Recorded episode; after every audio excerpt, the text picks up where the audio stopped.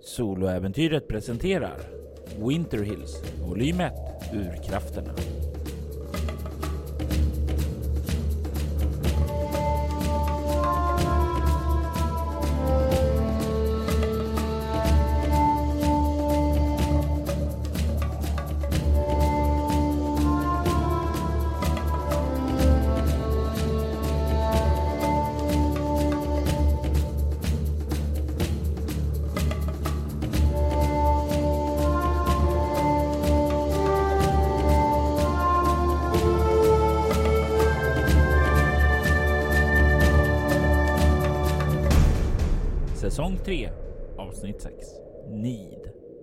Delen.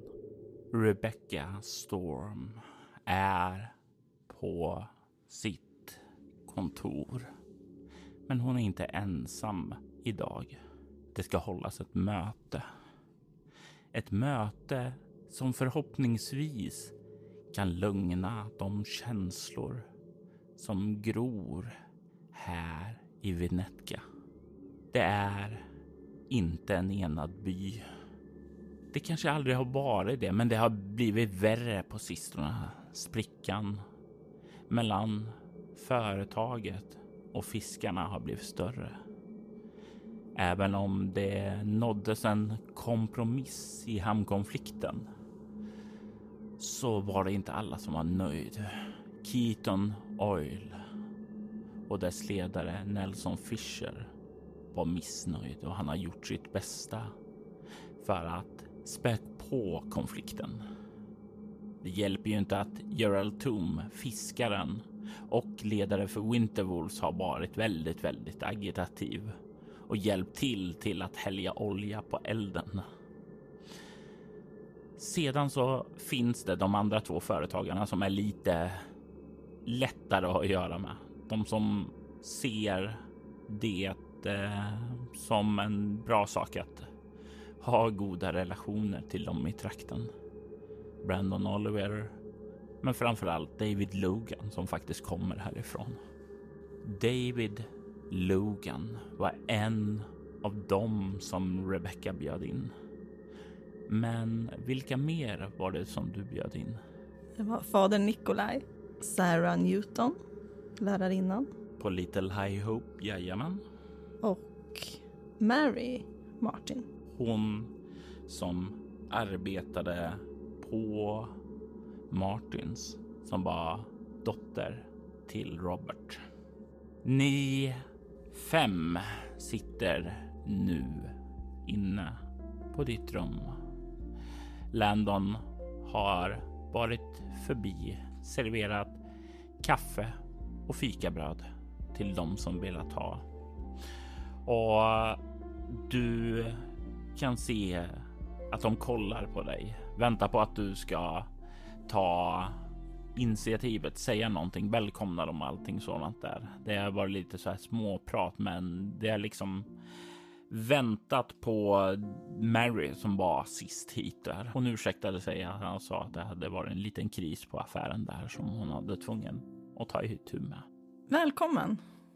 Jag är väldigt glad att ni kunde komma alla. Och du kan se hur de nickar och ler och tackar för inbjudan och du kan se hur fader Nikolaj är den som liksom verkar ta lite ett steg framåt och säga ja, eh, det var trevligt att få en inbjudan. Eh, vad jag fick utifrån London så ville ni diskutera någon form av eh, aktivitet, marknad, festlighet eller så?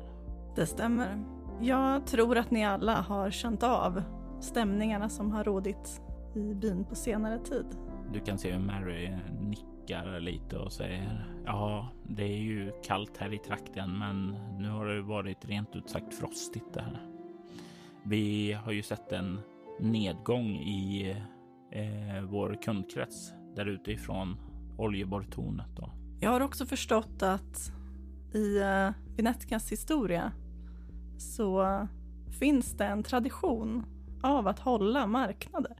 Du kan se hur eh, Mary nickar och säger ja, jo, men det stämmer. Eh, eller Det fanns det i alla fall fram till 1992. Alltså, ni är ju medvetna om att eh, när ni kom hit så fick ni ju en hel del att reda upp efter Tom Arnold, den förra borgmästaren där.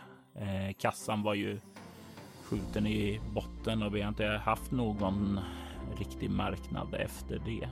Nej, man kan ju onekligen säga att vi stod på ruinens brant där ett tag. Men jag tror att det här är ett utmärkt tillfälle att plocka upp traditionen igen. Du kan se hur David nickar och hur fader Nikolaj stryker sig lite i skägget och verkar fundera lite där. Mary verkar lite funderande och nickar instämmande. Den enda som inte riktigt har sagt något eller visat någonting hur hon direkt känner är ju lärarinnan Sarah Newton som mest suttit tyst och lyssnat. Ni eh, är ju samlade här av mig här idag eftersom jag känner att ni är en samlande kraft här i Veneska och att ni har störst möjlighet att göra det här till en bra marknad för alla. Eh, vad hade du i åtanke? Är det någonting särskilt som du skulle vilja se ske på den här marknaden, säger Mary? Jag tror att ni alla har olika idéer som ni kan plocka fram. Så jag skulle vilja att ni samlar er i en fokusgrupp och kommer på olika idéer som vi kan förverkliga tillsammans. Den enda tanke och förhoppning jag har, det är ju att vår stad ska blomstra och bli mer enad. Du kan se hur David nickar och säger ett väldigt, väldigt fint initiativ, borgmästare Storm. Eh, jag vet tyvärr inte om jag har tid att hjälpa till med arrangemanget just nu, men jag kan definitivt tänka mig att stödja det. Behövs det saker så kan jag stå för kostnaderna, för jag tror att precis som du säger att det här kan hjälpa till att ena och lyfta stämningen i vår stad. Det faktum att solen ännu inte återvänt känns definitivt som ett dåligt omen och jag tror därför att vi behöver lite mera ljus i våra liv för att lyfta det positiva. Du kan se hur de andra nickar lite så här instämmande. Så hur ställer ni er övriga? Ja, men eh, jag tror definitivt det här är en eh, bra idé, säger fader Nikolaj. Jag tror definitivt att eh, jag känner till en väldigt, väldigt engagerad kyrkogrupp som gärna skulle sätta tänderna i och ordna lite aktiviteter i stånd och baka lite fika som kan säljas där. Utmärkt. Jag tror det här definitivt kommer att eh, bli någonting som de kommer gilla och om de gillar det så är jag säker på att det här kommer spridas med en, som en positiv våg in över vår stad. Och Mary hon nickar. Ja, ja jag kan ju inte säga emot eh, fader här. Eh, fadern här. Jag är ju en av dem som är engagerad där, så absolut. Jag tror det kan bli en bra grej och jag tror definitivt att eh, vi från Martins också kan ställa upp med lite sponsring och sådant också. Sarah som har varit tyst fram till nu lutar sig lite framåt och säger alltså det är en bra idé. Vi behöver ju mer saker, men det finns en sak som jag tycker vi bör ha i åtanke och inte glömma som jag ser som viktigt. Alltså, nu är ju jag yngst här i rummet då, men jag minns ju och jag tror säkert du också minns det Mary, att när vi var små de här marknaderna hölls så var det ju en sak som saknades då. En sak som gjorde dem mindre roliga för oss som var yngre. Aktiviteter att göra. Alltså, vi var ju med och engagerade oss i det. Vi målade banderoller och sådant som skulle upp och sådant där. Men när det verkligen kom till den här marknaden så fanns det ingenting för oss att göra. Det är någonting som jag tycker vi bör ta med oss. Visst, barnen kanske inte är den stora målgruppen, men med lyckliga barn så får vi även lyckliga föräldrar och lyckliga föräldrar är mindre grälsjuka. Jag tror att det är exakt era blandade perspektiv som vi behöver.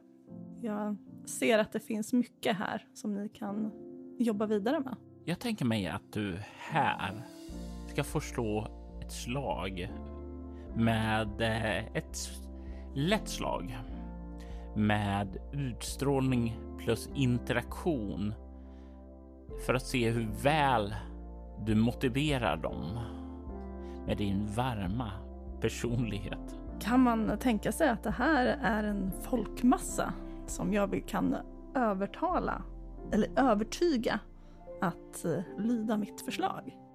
Det är ju en um, väldigt, väldigt liten folkmassa. Men det är, det är, jag skulle säga som så, det är en grupp i alla fall och jag kan tänka mig att du kan få använda din specialisering då som heter övertyga. Det var för väl. för du har ju minus sex för att du är psykonaut med fyra ignosis och sen har du minus ett för du har en egenhet som heter isdrottning. Ja. Så utstrålning plus interaktion plus två tärningar. Ja, jag fick ju i alla fall 12. Du kan se hur eh, de eh, verkar ta eh, dina ord till sina hjärtan och säger ja, jo, men det ska vi nog kunna fixa, säger Mary. Eh, och eh, kollar mot de andra och säger ska vi dra oss tillbaka och se om vi kan diskutera någonting. Och du kan se hur Sara säger ja, men vi har ett ledigt rum eh, där vi kan slå oss ner på Little High Hope. Ja, men då det är utmärkt. Då ordnar jag lite fikabröd från Martins där så samlar vi oss där om en timma kanske. Och du kan se hur de båda herrarna nickar där och sedan så vänder sig fader Nikolaj till dig och ler och säger Eh, en utmärkt idé. Vi ska göra vår bästa för att få till något trevligt. Det är dags att vi ska få en till Union Market här. Mycket bra idé. Utmärkt. Jag är väldigt glad att ni ville jobba för att förverkliga detta.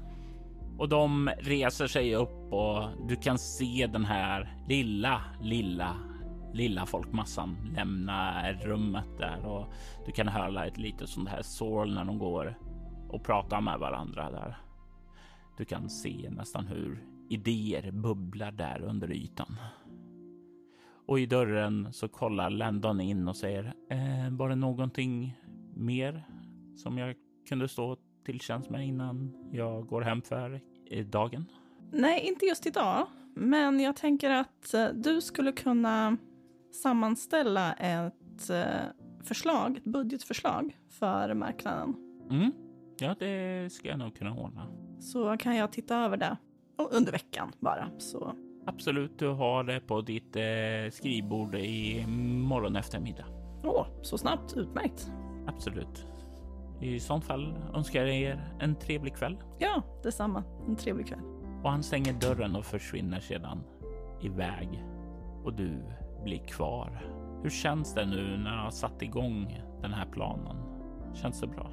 Ja, det känns bra. Inte någonting som jag är van att dra igång, men, men det känns bra.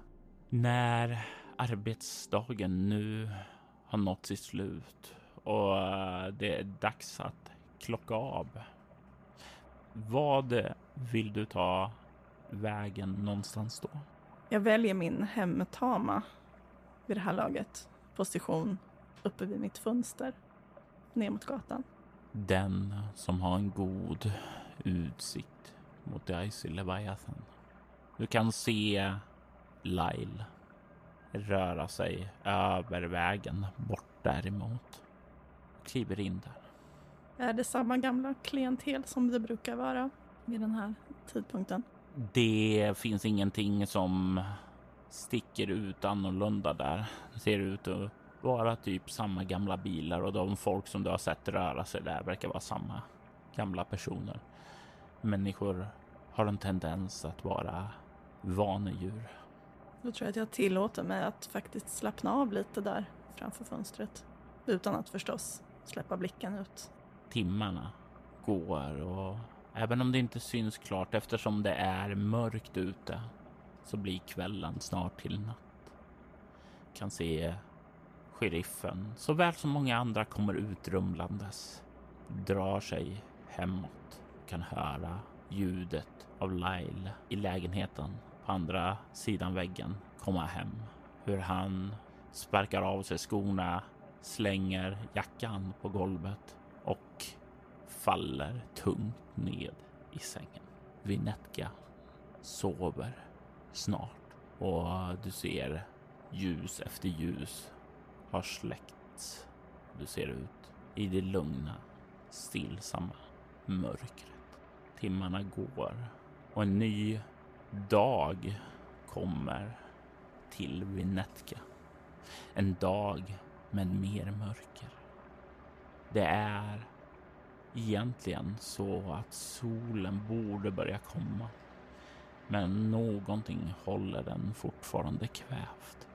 Det finns inget ljus här i trakten.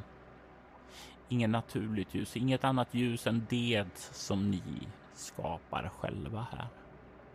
Kanske kan Union Market, den aktivitet som det har börjat såtts frö till, vara ett av dem.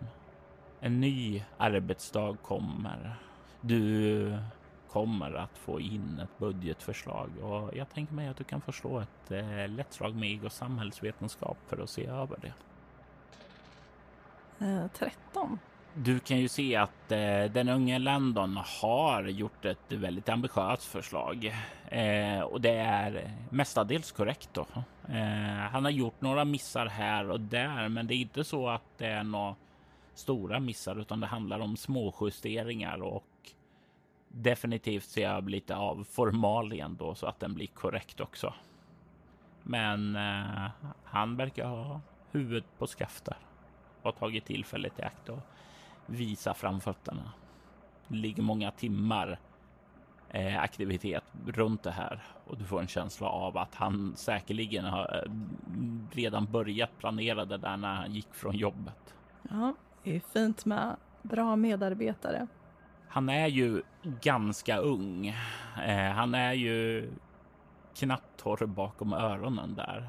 Och det är ju den här ungdomliga entusiasmen som vill visa framfötterna. Vill få bra vitsord och eh, visa att han verkligen, verkligen kan. Det är den typen av person som Landon är och det är ju därför han försöker så hårt. Ja, jag går ut till honom. Där han sitter. Och du kan se han sitter och verkar gå igenom en antal olika eh, motioner som har kommit in från folk där.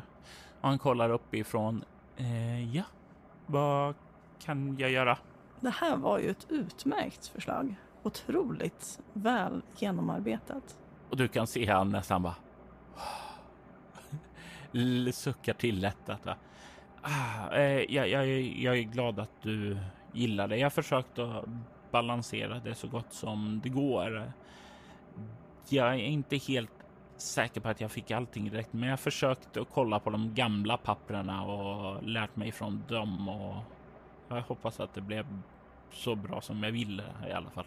Som sagt, mycket väl genomarbetat. Mycket bra utfört. Du är en väldigt värdefull medarbetare här. Jag tänker mig att du kan få slå ett lätt slag med utstrålning plus kameleont. Ja. Och då har du de här minus sju på Mm. det här slaget. Nio. Det är ett marginellt lyckat. Yay! Och jag ger dig ett val här då om hur du vill att det här ska tolkas som om.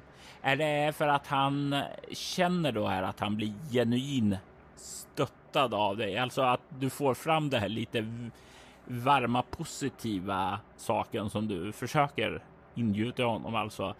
Så vill jag att du betalar en bestående förlust i utstrålning. Oh. Annars så är det lite grann den här isigheten som le- letar sig in. Att visst är det uppmuntrande, men det ligger någonting där under. Åh, vad svårt. Nej, men jag, jag vill nog ändå försöka riktigt mycket på det här för att jag tänker att eh, nu jäklar behöver vi eh, ingjuta någonting positivt här. Så att eh, jag får ta mitt, min minus där.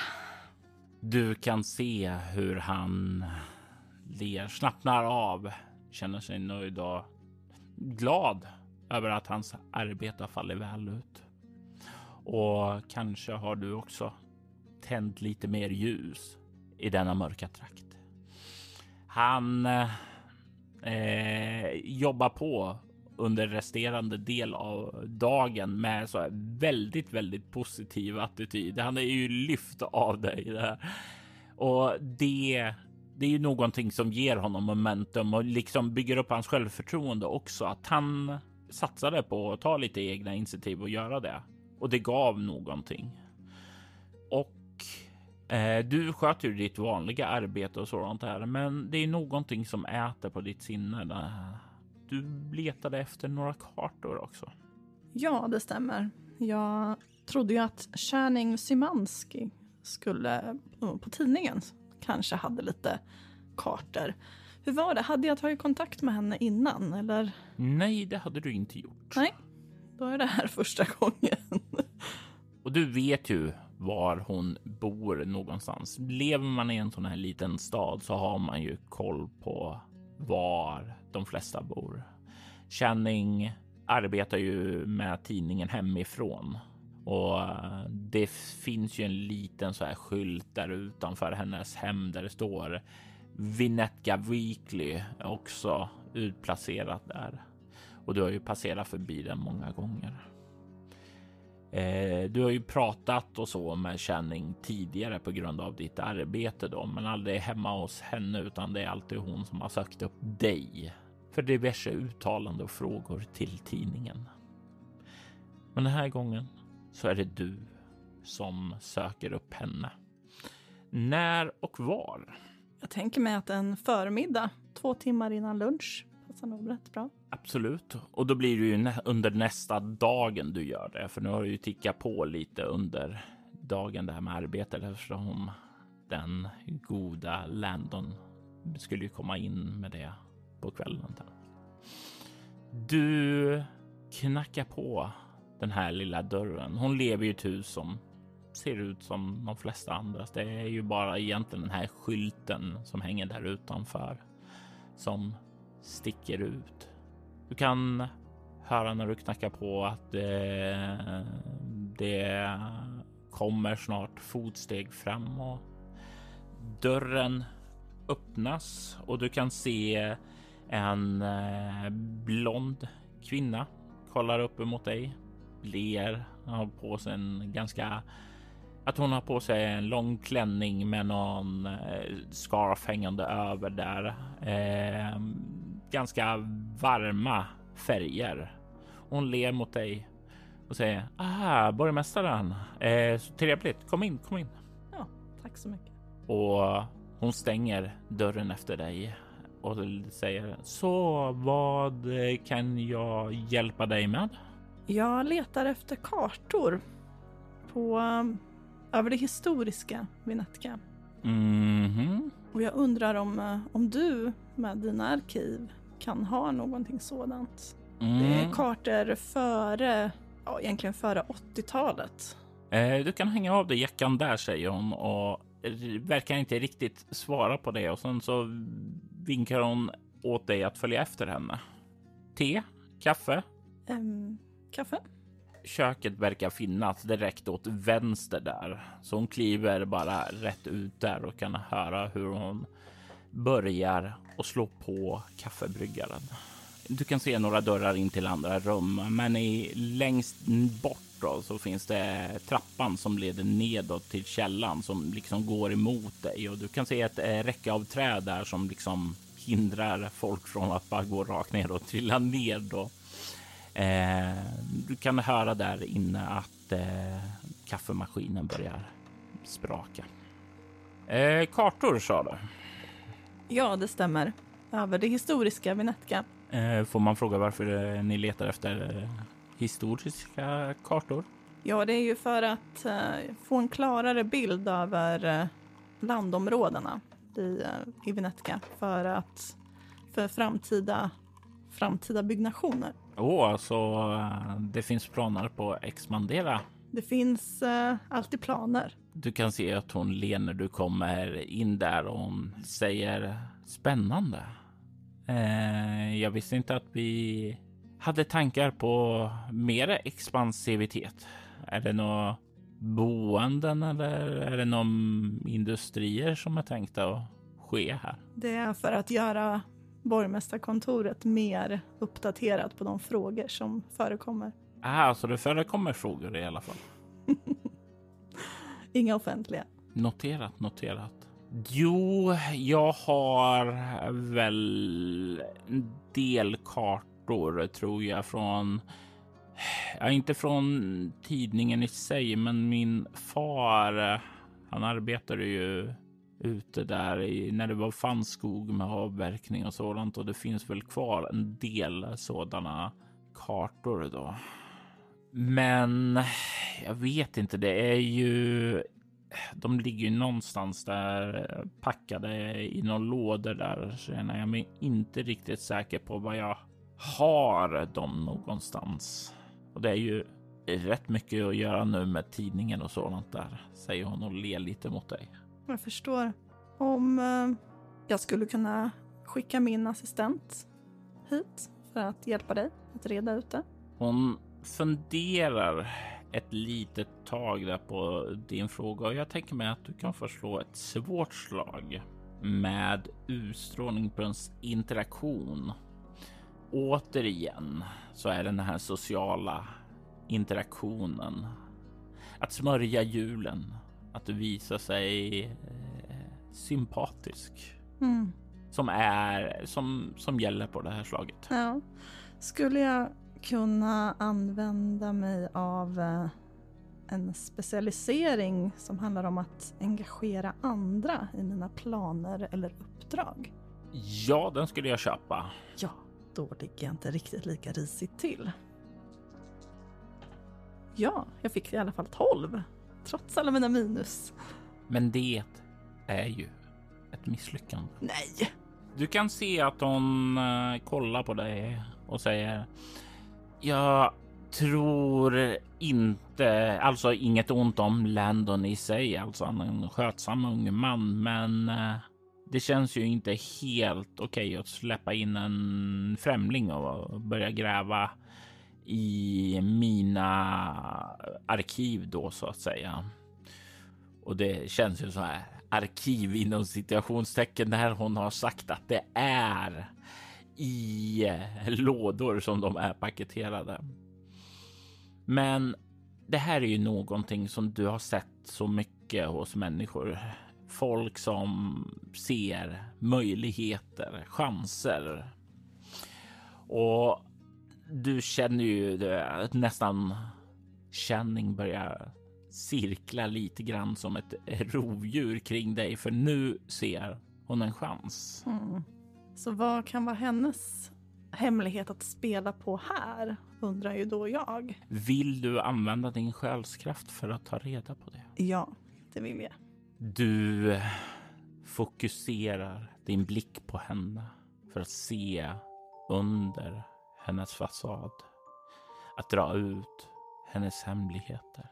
Du kan känna en varm smekning. En kyss, läppar som möts. Passion. Och det är den här ungdomliga gnistan. Den här första förälskelsen. Med den låga som brinner så varm.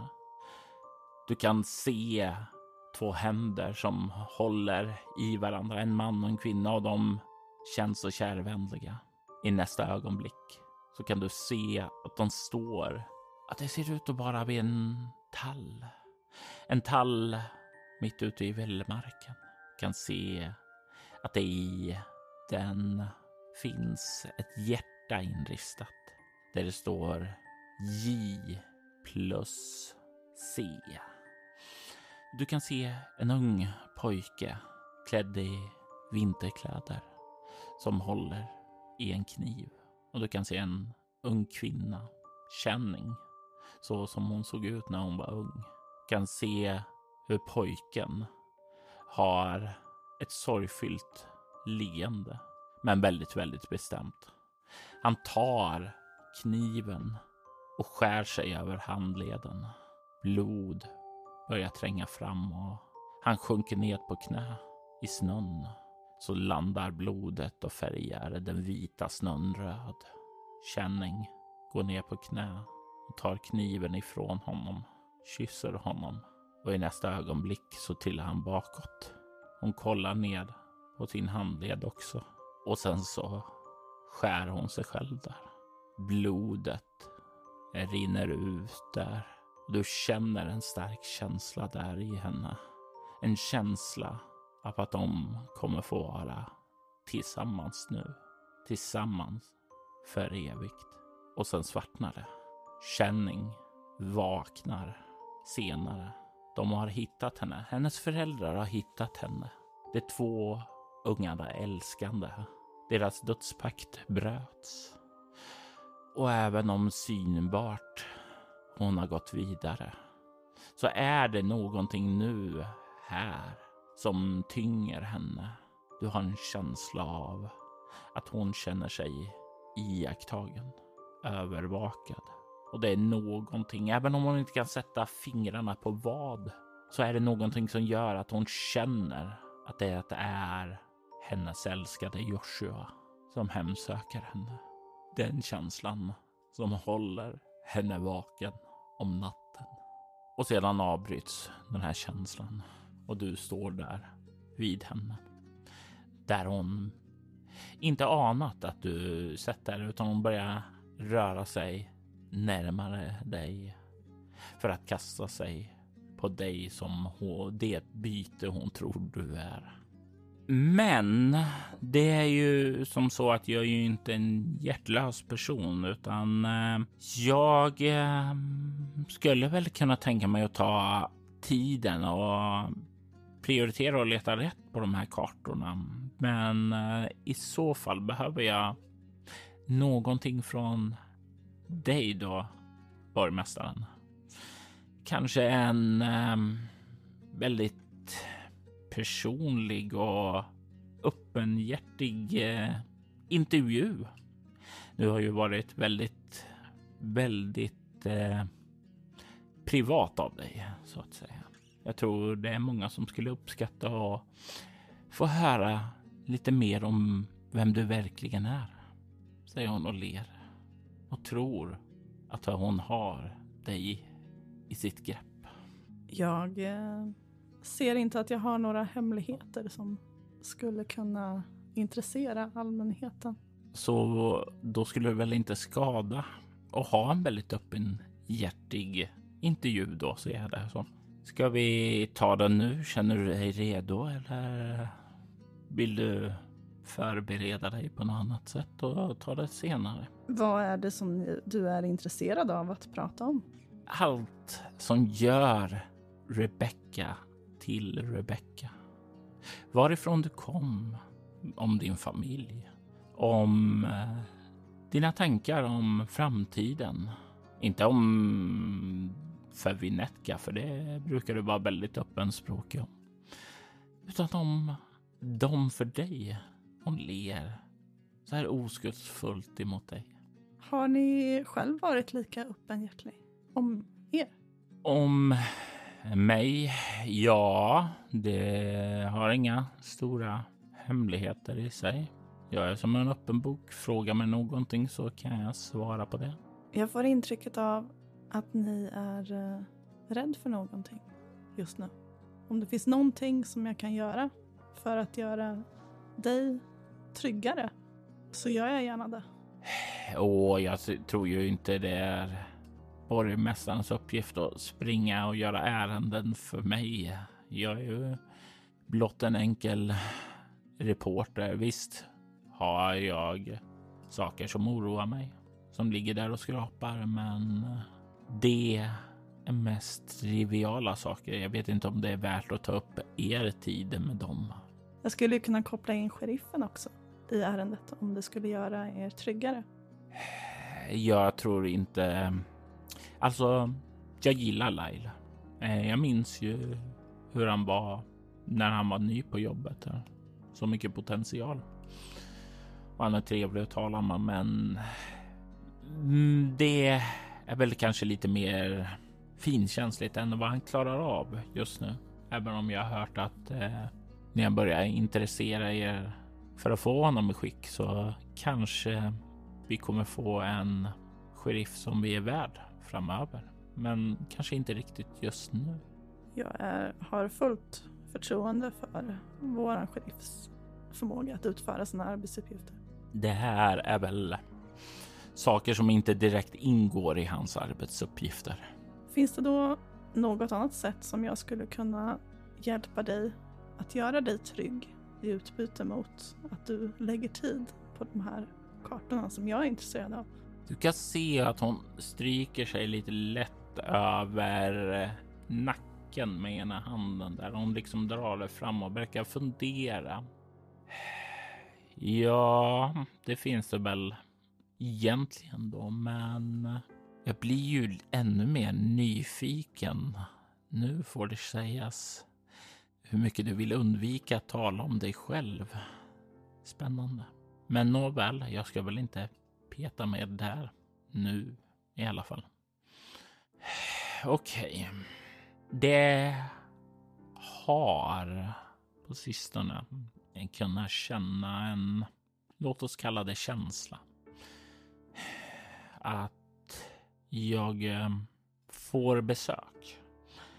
Inte av vanliga personer. Eller det känns mer som jag är iakttagen av någonting och när jag vänder mig dit emot där känslan kommer så, så finns inget där. Jag kan vakna upp om natten av en smekning, men det finns ju förstås ingen där. Den här passerande känslor av saker och ting och alla de här känslorna, de grundar sig i en och samma sak. Jag vet inte om ni är insatt i det, men det finns en historia om mig som folk eh, brukar skämtsamt kalla mig för en del av traktens Romeo och Julia. När jag var ung så var jag kär i en pojke, Joshua.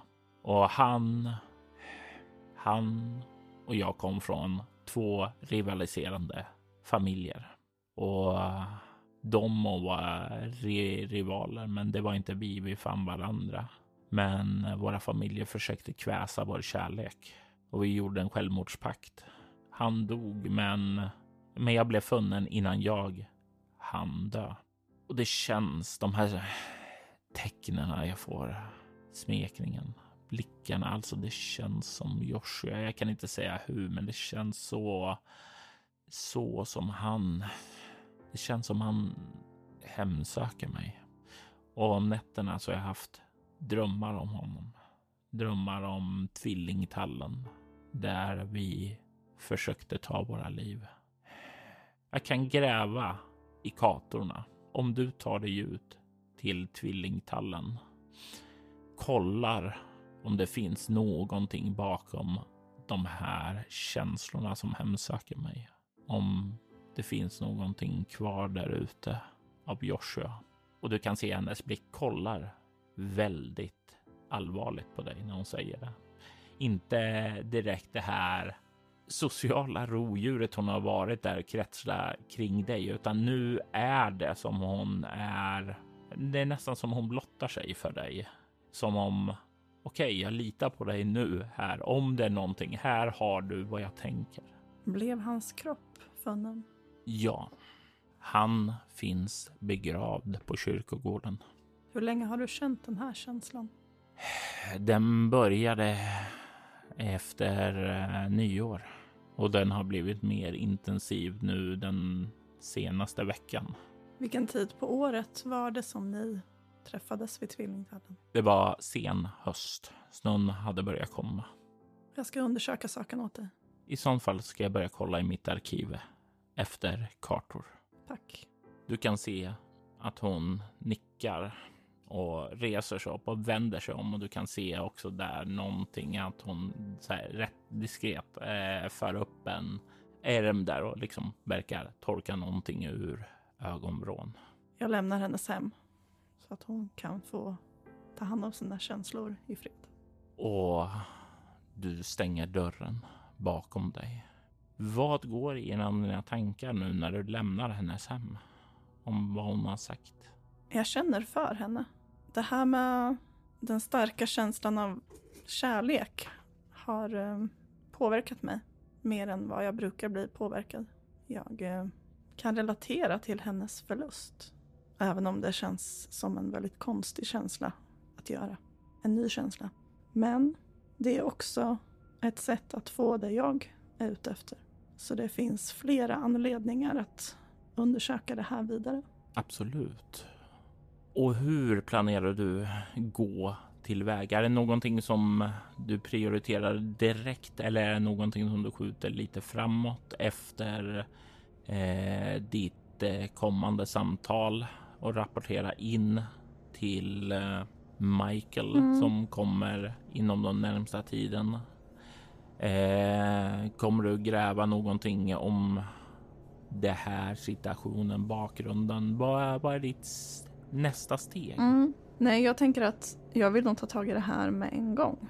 Som jag förstod det så var känslan tydligast vid, på kvällen för henne.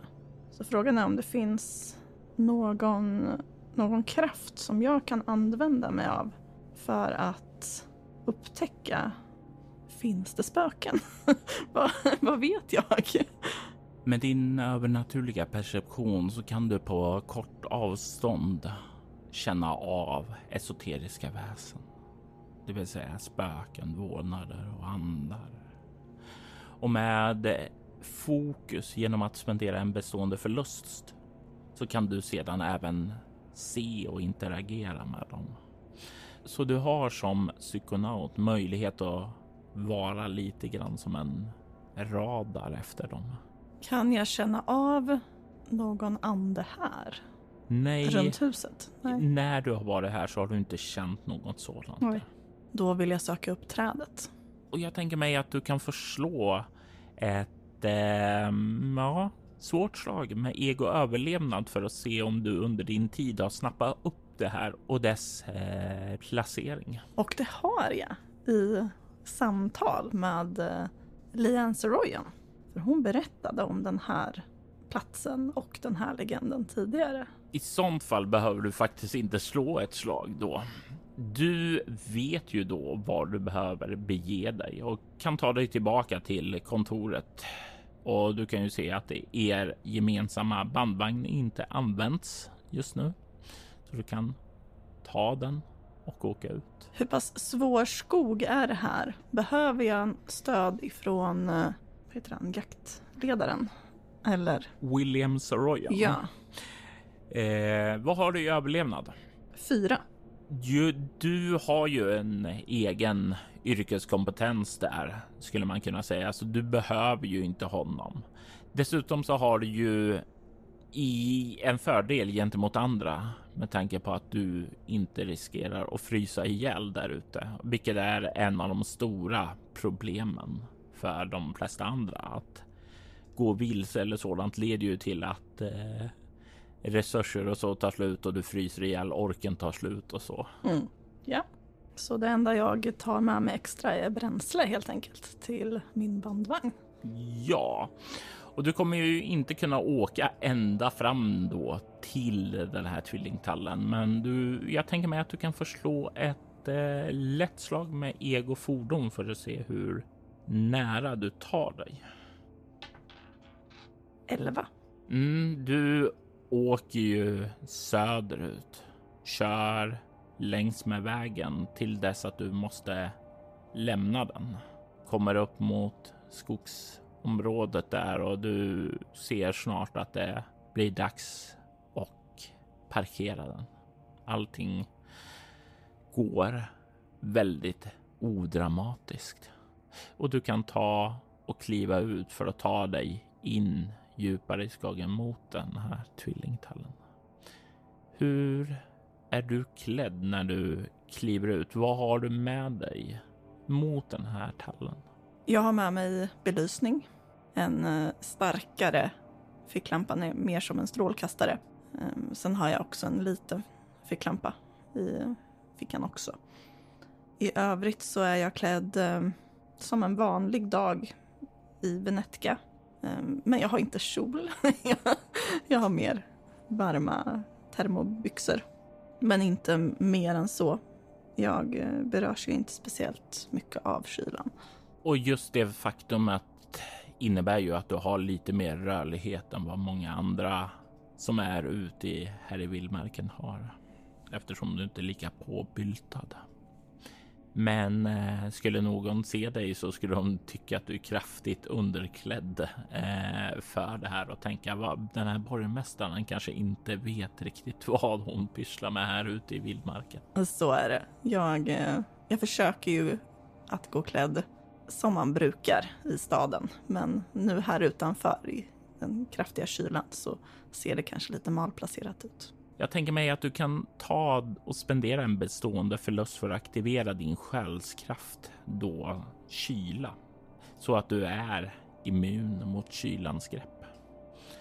Sedan så börjar du röra dig in emot den här tvillingtallen och du har ju överlevnat fyra så du rör dig ganska målmedvetet framåt. Det är ju en ungefärlig vägbeskrivning du har så du vet inte exakt vad den är utan du har ju vaga vägbeskrivningar där. Men du lägger märke till att det verkar vara ändå rätt lätt att hitta. För du kommer snart in i den djupare delen av skogen där.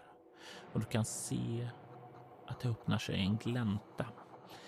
Och i mitten av den där gläntan så kan du se två gamla vridna tallar som har växt samman med varandra. Här på avstånd ifrån din strålkastare så ser det nästan ut som om eh, de två träden omfamnar varandra. Grenverken har blivit så ihopsnärjda att de nästan bildar ett skyddande tak i området mellan dem. Du kan se att där finns det en jordaktig yta med massa bruna barr. Snön som ligger runt omkring där har inte trängt in där. Du kan se att det är i platsen mellan de här verkar vara som en död livlös yta som de här två tallarna är böjda över i en omfamning. Detta är tvillingtallarna. Ser platsen ut som i den bild jag fick ifrån Kärning? Bortsett från att tallarna har blivit äldre, liksom lite mer snärjda grenar och sådant där och växt lite högre. eh, Växt lite mer samman så ja. Bortsett från att det inte var en dödbrun yta här emellan dem utan då var det ju faktiskt snö. Och det är ju fortfarande snö. Så märker jag av någonting vid den döda bruna ytan. När du börjar komma närmare den så kan du känna att det finns en närvaro där. Inte här, utan på andra sidan. Du Kan känna att det finns någonting där inne och du kan också känna här en svag metallisk doft bortifrån den här döda fläcken. Kan jag känna skillnaden mellan så här, illvillig ande och andra andar? Eller är alla andar illvilliga enligt min erfarenhet? Du kan förslå ett lätt slag med egokultism. Eh, 13? Enligt dina erfarenheter så har du lärt dig att alla esoteriska väsen inte är eh, arga och illvilliga. Det finns ett brett spektrum där. Men är det en sak du inte kan göra bara genom att känna så här så är det om det är illvilligt eller ej, utan det är bara att det finns något andligt tecken här. Kanske. Du, utan istället så är det snarare när du fokuserar ditt sinne för att interagera med den här verkligheten som du får förmågan att se mer om det är illvilligt eller inte. För att kunna veta hur jag ska hantera den här anden så behöver jag i så fall interagera. Så jag väljer att aktivera den förmågan. Och du tar då en bestående förlust i utstrålning. Du sluter dina ögon, fokuserar ditt sinne och när du öppnar dem så kan du se där en gestalt på den bruna fläcken. Du kan se hur han lyser i ett spöklikt vitt sken. Du känner igen hans anlete ifrån den där hemligheten som Channing bar på. Det är Joshua. Han har trådar som går ut till de två tallarna. Du får även en känsla av de här tvillingtallarna. Om de inte är egna levande väsen så är det nästan som om, om de är en del av någonting större. Någonting som genomsyrar den här platsen. Någonting som finns begravt i marken. Kan se hur Joshua står där i mitten och bara kollar nedåt. Orörligt, passivt, stilla. Får jag intrycket av att det är tallarnas kraft som kontrollerar Joshua? Eller att det är Joshua som har trängt in i tallarna?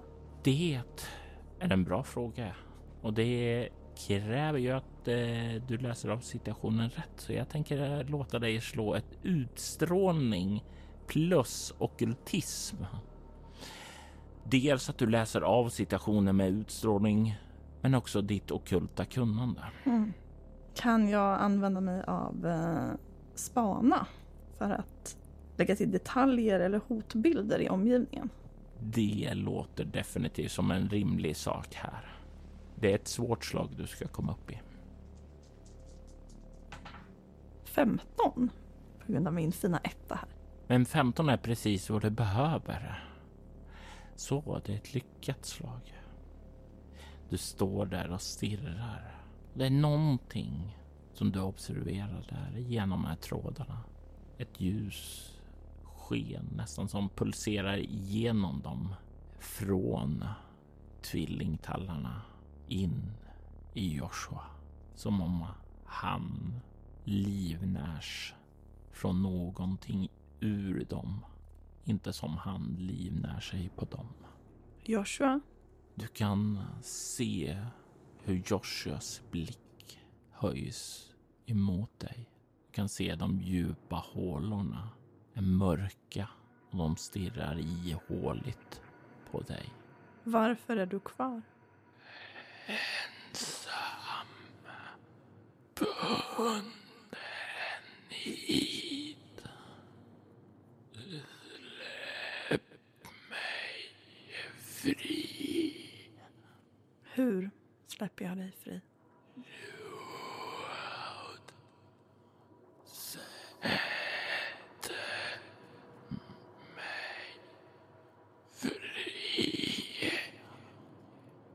Vad går igenom Rebeckas tankar när hon hör det?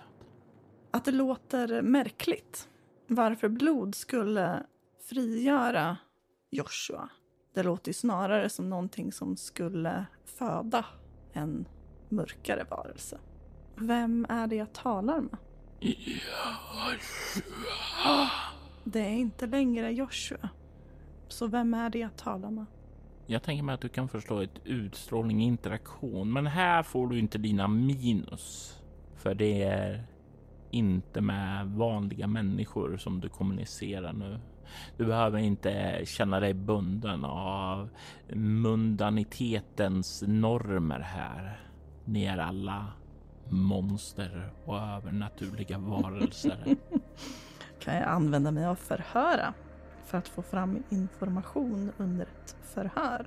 Jag tänker mig att eh, vi har inte riktigt kommit dit än, men vi är ju på väg in i något liknande så du kan dra nytta av dina erfarenheter där. Jag låter dig få det. 19. Jag är Joshua och Joshua är även viskaren.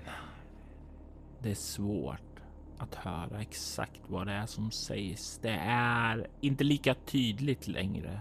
Det är som du hör en annan röst där släpa i skuggan och det är som om det kommer längre bort ifrån. Mer avlägset, djupare bort. Och vad är det du vill, viskaren? Fria är ifrån.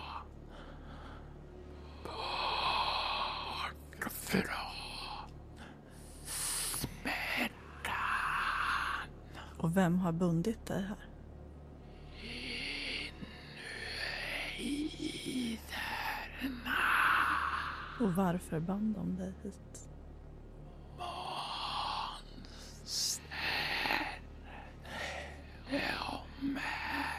Monster. Jägare. Som söker. Rovfjära. Och hur ska jag kunna veta att du inte är ett monster? Du kan inte veta.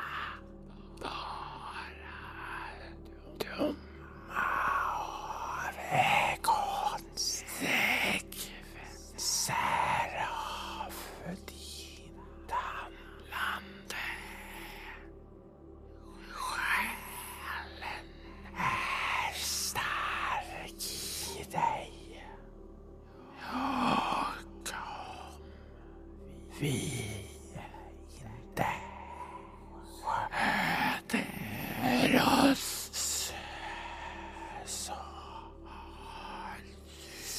medlen att stoppa oss. Varför har du tagit Joshua? Joshua gav sig till oss bedöva sitt sinne. Han dog. Kunde inte ta sig vidare. För att ni håller honom kvar? Nej, för han hade ouppklarade affärer. Kvinnan. Han kunde inte röra sig vidare utan kvinnan. Jenny. Kärning lever ett nytt liv nu. Jag vet det. Du vet det. Joshua är bunden hit så länge hon är det. Han kan inte ta sig vidare utan henne. De lovade varandra att vara tillsammans i döden. En dag kommer ju hon också att dö. En dag kommer de att återförenas.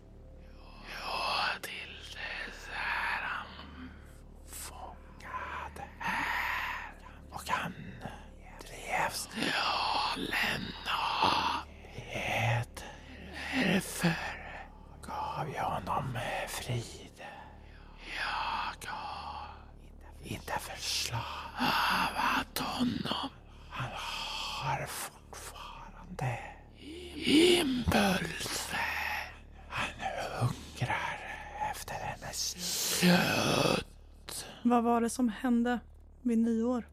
Varför sökte han upp henne då? Urkrafterna vaknade. Hur påverkar urkrafterna dig och Joshua? Ur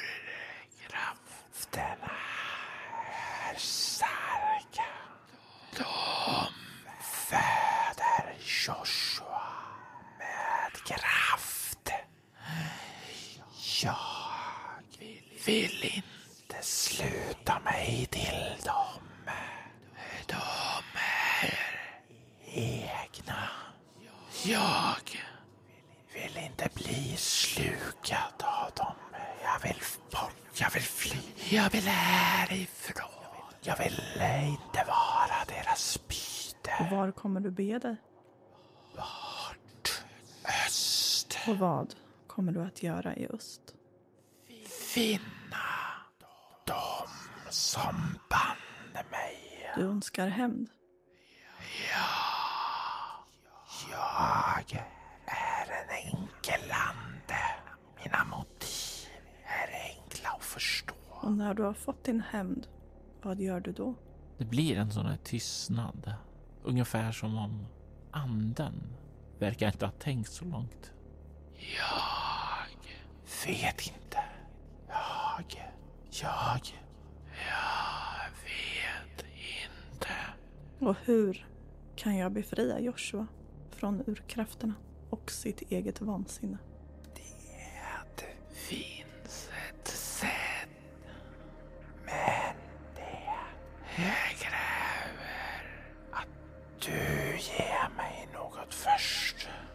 Vad vill du ha? Är det blod?